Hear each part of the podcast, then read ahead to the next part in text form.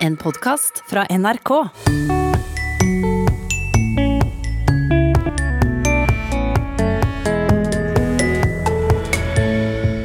Ordet tisse ble en snakkis etter Sylfest Lomheim sitt vitnemål i retten. Jeg sier ikke det 100% sikkert, men det er veldig lite sannsynlig at en mann ville ha brukt tisse i den situasjonen. der. Men han møter motbør. Det kan godt hende at det er mest sannsynlig at de aller fleste menn ville ha brukt pisse i et trusselbrev.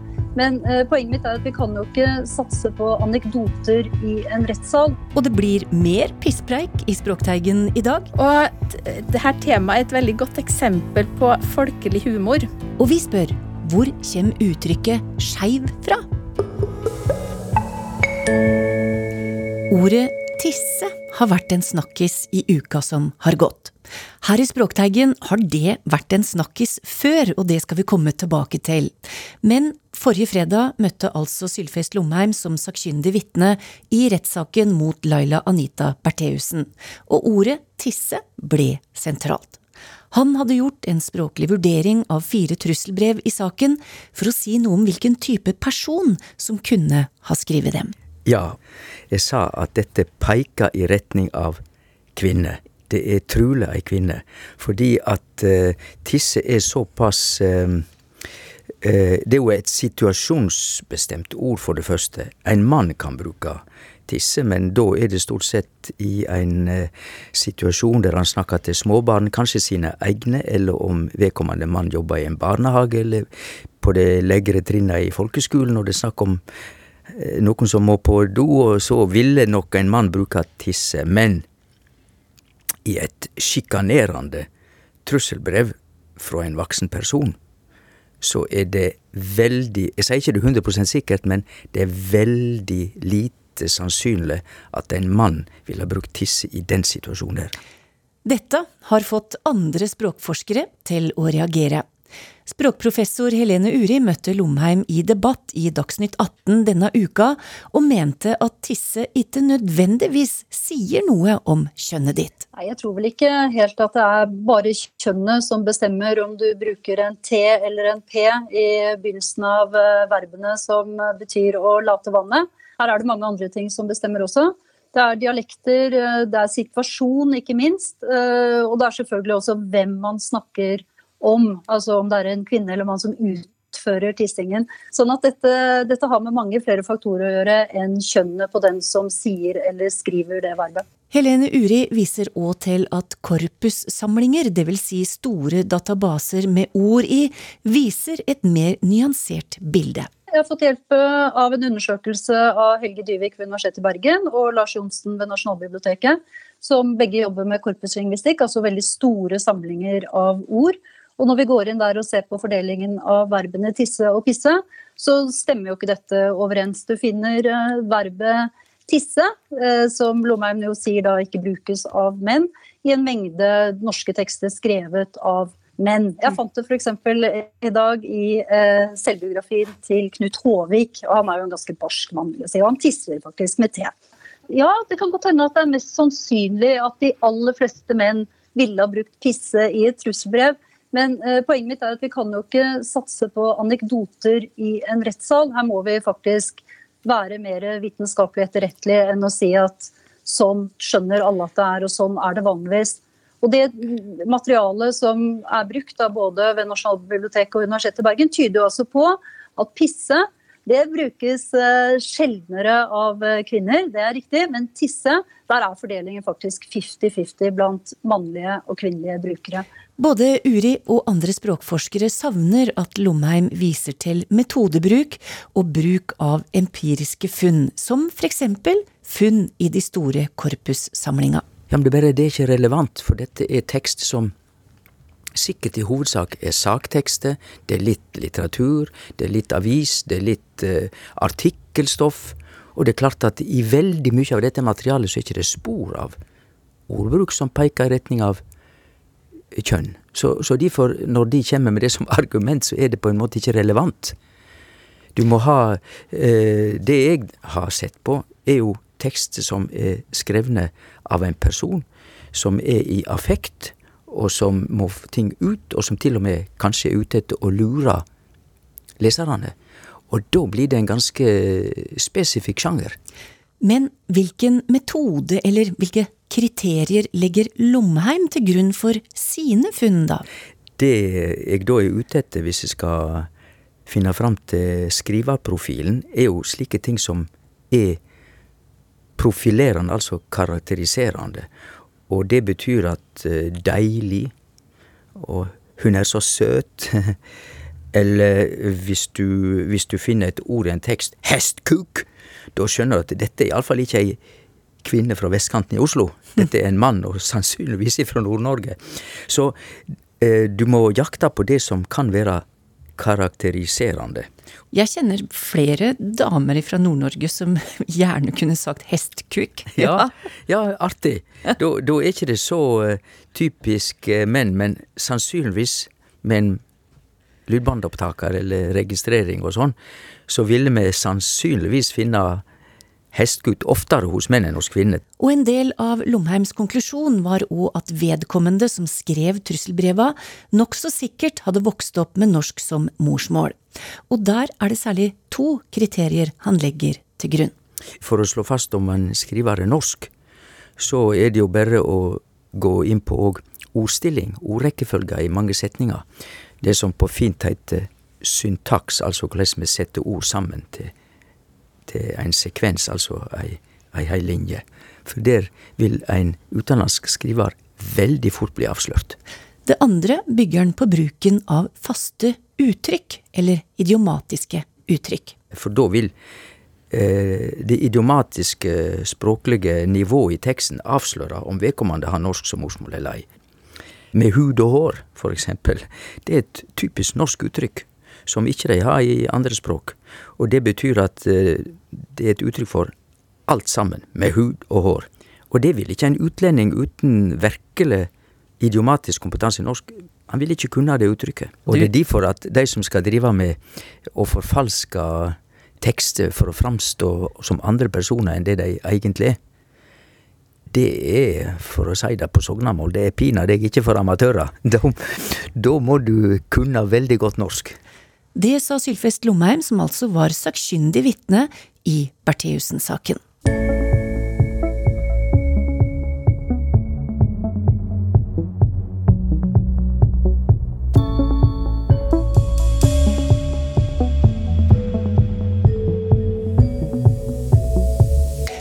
Som jeg sa, tissing har vært en snakkis før her i Språkteigen. I 2017 tok nemlig Eides språkshow nettopp opp temaet tissing og pissing knytta til kjønn. Og vi skal høre hva Linda Eide og Gunstein Akselberg sa den gangen. Vi skal ta eh, noe pisspreik her fra en gynekolog i Oppland. Han har i mange år tatt eh, hånd om kvinner fra hele regionen og operert dem for urinlekkasje. Og dermed blir det jo en del snakk om pissing. Eld og tissing, som jo damer sier, ikke sant? Ja da, damer sier tissing. Ja, Og menn sier? Pissing. Hvorfor er det sånn? Fordi at uh, pissing det er mer vulgært, og tissing det er mer feminint. Kan du si at du skal gå og tisse? Jeg bør ikke, jeg bør ikke si det. ikke det rart? Nei, det er, så, det er sånne kjønnskonvensjoner her at det er det man holder klart for hverandre. Det er så gale. Men det som er interessant, da, det er at vår uh, gynekolog ja. sier da at Dette er veldig interessant, fordi mm. det fins kvinner som sier pisse. Mm. Og som han skriver, uh, kvinner som både er velformulerte, velkledde og kommer fra møblerte heimer, forteller at de pisser på seg i visse situasjoner. Men han har gjort den observasjonen at de damene som da pisser, de kommer fra mindre plasser. I Bøverdalen og Valdres, f.eks. Mens de som tisser, kommer fra sånne tettsteder. Og som han skriver, nå har Lom fått landsbystatus, og der har kvinnene slutta å pisse og begynt å tisse. Og han har gjort en veldig god observasjon. Mm -hmm. Fordi at eh, det, Klart er det kvinner som pisser òg, ikke sant? men det henger sammen med urbaniseringa og borgerliggjøringa. Det er forfining. Det er forfining, ja. I etterkant av at dette gikk på TV, så tok språkviter og helsekommunikasjonsforsker ved NTNU, Heidi Gilstad, opp tråden om temaet. Og aller først så ville hun sjekke påstanden. Ja. Så jeg skrev ned noen spørsmål i et nettbasert verktøy for spørreundersøkelser, og publiserte på grupper på Facebook som er opptatt av dialekter og språk. Og responsen var veldig stor. Det er veldig mange kunnskapsrike, språkinteresserte mennesker ute der som svarte glad og fornøyd på undersøkelsen, og som, som diskuterte i vide og brede forhold eh, som angikk det her fenomenet. Da er jo spørsmålet stemte påstanden til uh, Gudstein Akselberg? Ja, uh, studien her viste at Akselberg har rett i at kvinner er meldt tilbøyelig til å si tisse, og langt flere menn enn kvinner vil velge en variant av ordet pisse. Hm. Men bruken av ordene avhenger av hvem de snakker med, og om det er i formelle eller uformelle sammenhenger. Eh, informantene øste jo av tanker og erfaringer her. Eh, for eksempel så er det noen som sier 'har aldri i mitt liv brukt pisse'. En, annen, en av informantene brukte ordet 'pisse' i mer formelle sammenhenger, mens 'pesse' var den mer familiære formen. Og igjen ville ikke engang eh, skrive forskjellen på det. Av en eller annen grunn var P prikk, prikk, prikk, prikk mye styggere enn T. Prikk, prikk, prikk, prikk. Ja, Viser undersøkelsen det? At å bruke de konkrete orda føles tabu? Ja, mange, mange, av begge kjønn ville velge et nøytralt uttrykk for å slippe å bruke noen av de her ordene. Og selv om det her er handlinger som alle mennesker utfører flere ganger per dag, og, eh, så er det i ulike sammenhenger regna som tabu og vulgært å uttrykke det eksplisitt. Og du fikk jo mange kreative forslag til hvordan unngå å si nettopp disse to orda. Ja, det var jo flere som refererte til mange forskjellige varianter av um, fenomenet. F.eks. pudre nesen, eller en tur på avtrede, eller um, slippe skjæret. Uh, kaste dugg av rosen. Forlate vannet. Lette på trykket. Tømme tanken. Skal ta meg en tur på kontoret. Skal poste et brev. Uh, ta en vannepause. Skal ut på tur. Men hvorfor i det hele tatt bruke tid på å undersøke ja, pisspreik, da, rett og slett? Så til daglig jobber jeg jo som helsekommunikasjonsforsker, og jeg har gjort flere prosjekter av samtaler i helsevesenet som samtaleforsker. Mm. Og ofte i, i, i samtaler med legen så kan man jo ser man jo gjennom i forskninga at uh, pasienten frambringer det tabubelagte, eller det som er vanskeligst å snakke om, når de er på vei ut av konsultasjonen.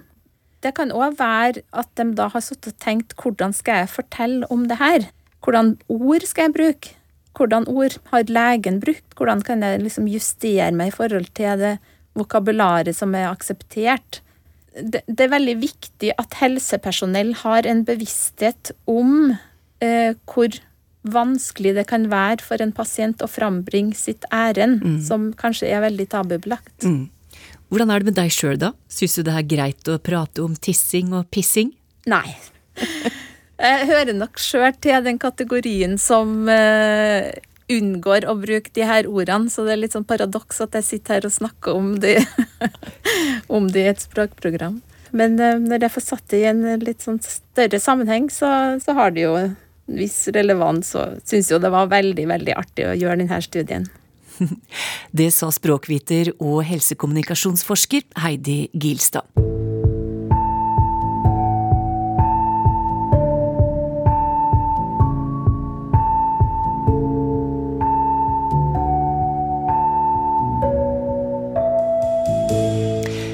For noen uker siden så tok vi opp bruken av uttrykket 'komme ut av skapet', som beskriver folk som for første gang forteller at de f.eks. er homofile, lesbiske eller skeive. Og det har ført til lytterspørsmål, Knut. Ja, Pål Stensrud begynte nemlig å undre seg på mennesker som sier at de er skeive. Hvor kommer uttrykket skeiv fra, og er ikke det en stigmatiserende karakteristikk av de med en slik legning, spør Pål. Ja, Da må vi prøve å nøste opp i det, da. Ja, vi må det. Og det gjør vi ved å ta kontakt igjen med språkviter og høgskolelektor Tor Ragnar Hjelmtveit ved Høgskolen i Volda. Han liker å bruke skeiv om seg sjøl, og han har sett nærmere på ordet. Det er litt ulike teorier om hvor uh, ordet skeiv kommer fra. Uh, men det som jeg har funnet i min forskning, det er at det mest nærliggende å tolke det som et direkte ordlån fra engelsk. Da ser man ofte på den uh, På engelsk så sier man 'straight' om heterofil, og 'queer' eller 'bent' om homofil eller ikke-heterofil seksualitet. Mm. Der queer er det mest produktive i språket ordlån det er jo det at vi låner ord fra altså prosessen at vi låner ord fra andre språk og tilpasser det eh, vårt språk, som i dette tilfellet er norsk. Og når det kommer til skeiv, så er det litt interessant, fordi at um, man tar utgangspunkt i at straight, altså at streit, er et direkte ordland. Og når man ser på skeiv, så um, vil jo det da på engelsk bli bent. Men bent er ikke et så veldig produktivt um, ord eller begrep i, i, språket, og de bruker heller queer. Uh, men man har likevel tolka det som et uh, låneord. Uh, eller slags omsettingslån, som man kaller det. Oversettelselån fra queer. At man da tilpasser det en norsk kontekst. Men hvordan henger dette da sammen med det som er den leksikalske definisjonen av skeiv? Jo, for rent leksikalsk, leksikalsk så viser skeiv til noe som ikke er beint eller rett. Altså et avvik. Altså, det står i motsetning til, til noe som er rett. Altså, i ordbøk, hvis man ser i ordbøkene, så, så står det at skeiv er et eh, skeiv er slang for ikke-heterofil. Altså sånn et avvik fra heterofil. Og når man ser på historien, på hvordan man bruker disse begrepene i engelsk, eh, så har man sett at man har brukt eh, ordet 'bent' for, eh, som motsetning mm. til 'straight'. Som altså da betyr skeiv. Men uh, Tor Ragnar, du bruker skeiv om deg sjøl. Hvorfor har du valgt å, å, bruke nettopp det ordet når du forteller andre om deg sjøl? Ja, jeg bruker kategorien skeiv om meg sjøl fordi at jeg mener at det er en mye mer åpen og inkluderende eh, kategori enn f.eks. homofil, som jeg òg gjerne kan kalle meg, eller bruke om meg sjøl. Jeg er litt opptatt av at, bruker, at jeg bruker skeiv fordi at begrepet i seg sjøl, eller ordet i seg sjøl, det legger ikke føringer på kjønn. Det representerer for meg en sånn videre og åpnere kategori, som ikke definerer eller legger føringer på hvem man forelsker seg i. Eh, sånn som heterofil og homofil, eh, bifil og lesbisk gjør. Men så er det jo da denne lytteren som vi allerede har nevnt, som spør om ikke det å være skeiv òg er et eh, stigmatiserende ord. Forstår du at han stiller det spørsmålet? Ja, det kan jeg for så vidt godt forstå at, at han stiller spørsmål om. Fordi Hvis man ser helt isolert på ordet skeiv, Eh, så viser jo det til en eh, Så betyr jo det at hvis man er heterofil, så er man rett. Og er man ikke heterofil, så er man et avvik, eller man er feil. Man er skeiv. Og hvis man ser på den betydningen, så uh, kan jo det tolkes som at altså det er et veldig stigmatiserende ord. Og her det også, kan det òg nevnes at det er flere uh, personer som ikke ønsker å bruke ordet skeiv, nettopp fordi at det gir sånne konnotasjoner til noe som er feil. Og heller vil bruke LHBT eller LHBT pluss. Det er jo litt avhengig av ulike faktorer. Um, alt etter hva erfaringer og um, ja, alt etter hva samfunn man er en del av, og hva erfaringer uh, man har sjøl. Sier Tor Ragnar Hjelmtveit. Han foretrekker altså skeiv. Men at det er forskjellige måter å definere seg sjøl på, får vi bekrefta når vi kontakter lederen i FRI, Foreninga for kjønns- og seksualitetsmangfold, Inge Alexander Gjestvang. Jeg bruker nok ordet homo mest om meg sjøl, samtidig som jeg ikke har eh, noen kvaler med å bli omtalt som uh, skeiv. Men uh, altså, når vi prater om identiteten til folk, så skal vi ha respekt for uh, folk, hvilke ord folk, folk, bruker om seg sjøl. Mm. Hva slags ord og uttrykk de er bekvemme med å bli omtalt som. så i vår organisasjon og i vår bevegelse så, så er det jo diskusjoner om, om både skeiv kan være et, et, godt begrep. For det er jo mange som ønsker å være homo og ikke være skeiv. Samtidig som det er noen som sier at nei, jeg, altså jeg, jeg forelsker meg i damer, men jeg bruker ikke ordet lesbisk om meg sjøl. Sånn at det, er litt sånn den Eh, den muligheten og utfordringa vi som organisasjon og bevegelse har til å kunne skape gode ord og uttrykk som eh, inkluderer mer enn det ekskluderer. Så for noen fungerer homo andre liker å si skeiv, mens noen foretrekker sekkebetegnelsen LHBT-er eller LHBT som vil si lesbiske, homofile, bifile, transpersoner og andre som bryter med normer for kjønn og seksualitet. Eh, I det øyeblikket du merker at eh, du er litt eh, enn normen, så er det jo mange av oss som finner, finner oss sjøl i både L-en og H-en og B-en og T-en. Eh, i LHBT-begrepet. Eh, mens eh, så er det jo kanskje mange av oss som kjenner det at vi, vi, bryter med normer for kjønn og seksualitet samtidig. At det kan være behov for å ha en litt sånn større et, et, større begrep da, som kan romme noe av mange slags normbrudd. Eh, og jeg tenker at eh, kanskje er det litt sånn at ungdommen skal, skal, være litt fri og være litt sånn utforskende. Og så syns jeg det er litt sånn artig anekdote. Det er en tidligere leder av Skeiv Ungdom som fikk høre av sin bestefar at eh, den organisasjonen egentlig burde skifte navn. For det var jo ikke noe gærent eller skeivt med det å være lesbisk eller homofil. Så det, det syns jeg er en sånn viktig ting å ha med seg, for det sier jo noe om at det er mange som legger noe negativt i ordet skeiv. Eh, F.eks. å komme litt skeivt ut i livet, og at det er noe som ikke er ønska. Og at skeiv blir en motsats til hva som er rett og riktig. Eh, men så er det jo litt sånn i, i vår bevegelse òg at vi eh, tar symboler og ord og uttrykk litt tilbake igjen. At det er kanskje folk som har brukt en del ord og uttrykk om folk i vår målgruppe som skjellsord. Så er det mange som syns at det litt, ligger litt styrke i det å kunne ta eierskap til eh, ord og uttrykk og fylle det med ny mening. da. Mm. Og at det som kanskje har vært vanskelig tidligere, du har kommet litt skjevt ut i livet, du er skeiv eh, som en motsats til å være rett eller normal, at du, du, kan heller fylle det med mening og så se på det å bryte med normer eh, som en eh, ressurs og noe spennende og fint. Skeiv det kan jo òg sies å ha blitt reappropriert. Det vil si at det har blitt det er egentlig et uttrykk som Eh, viser til noe negativt og et avvik, men som eh, på en måte har blitt eh, bevisst tatt tilbake og blir brukt som forsterkende.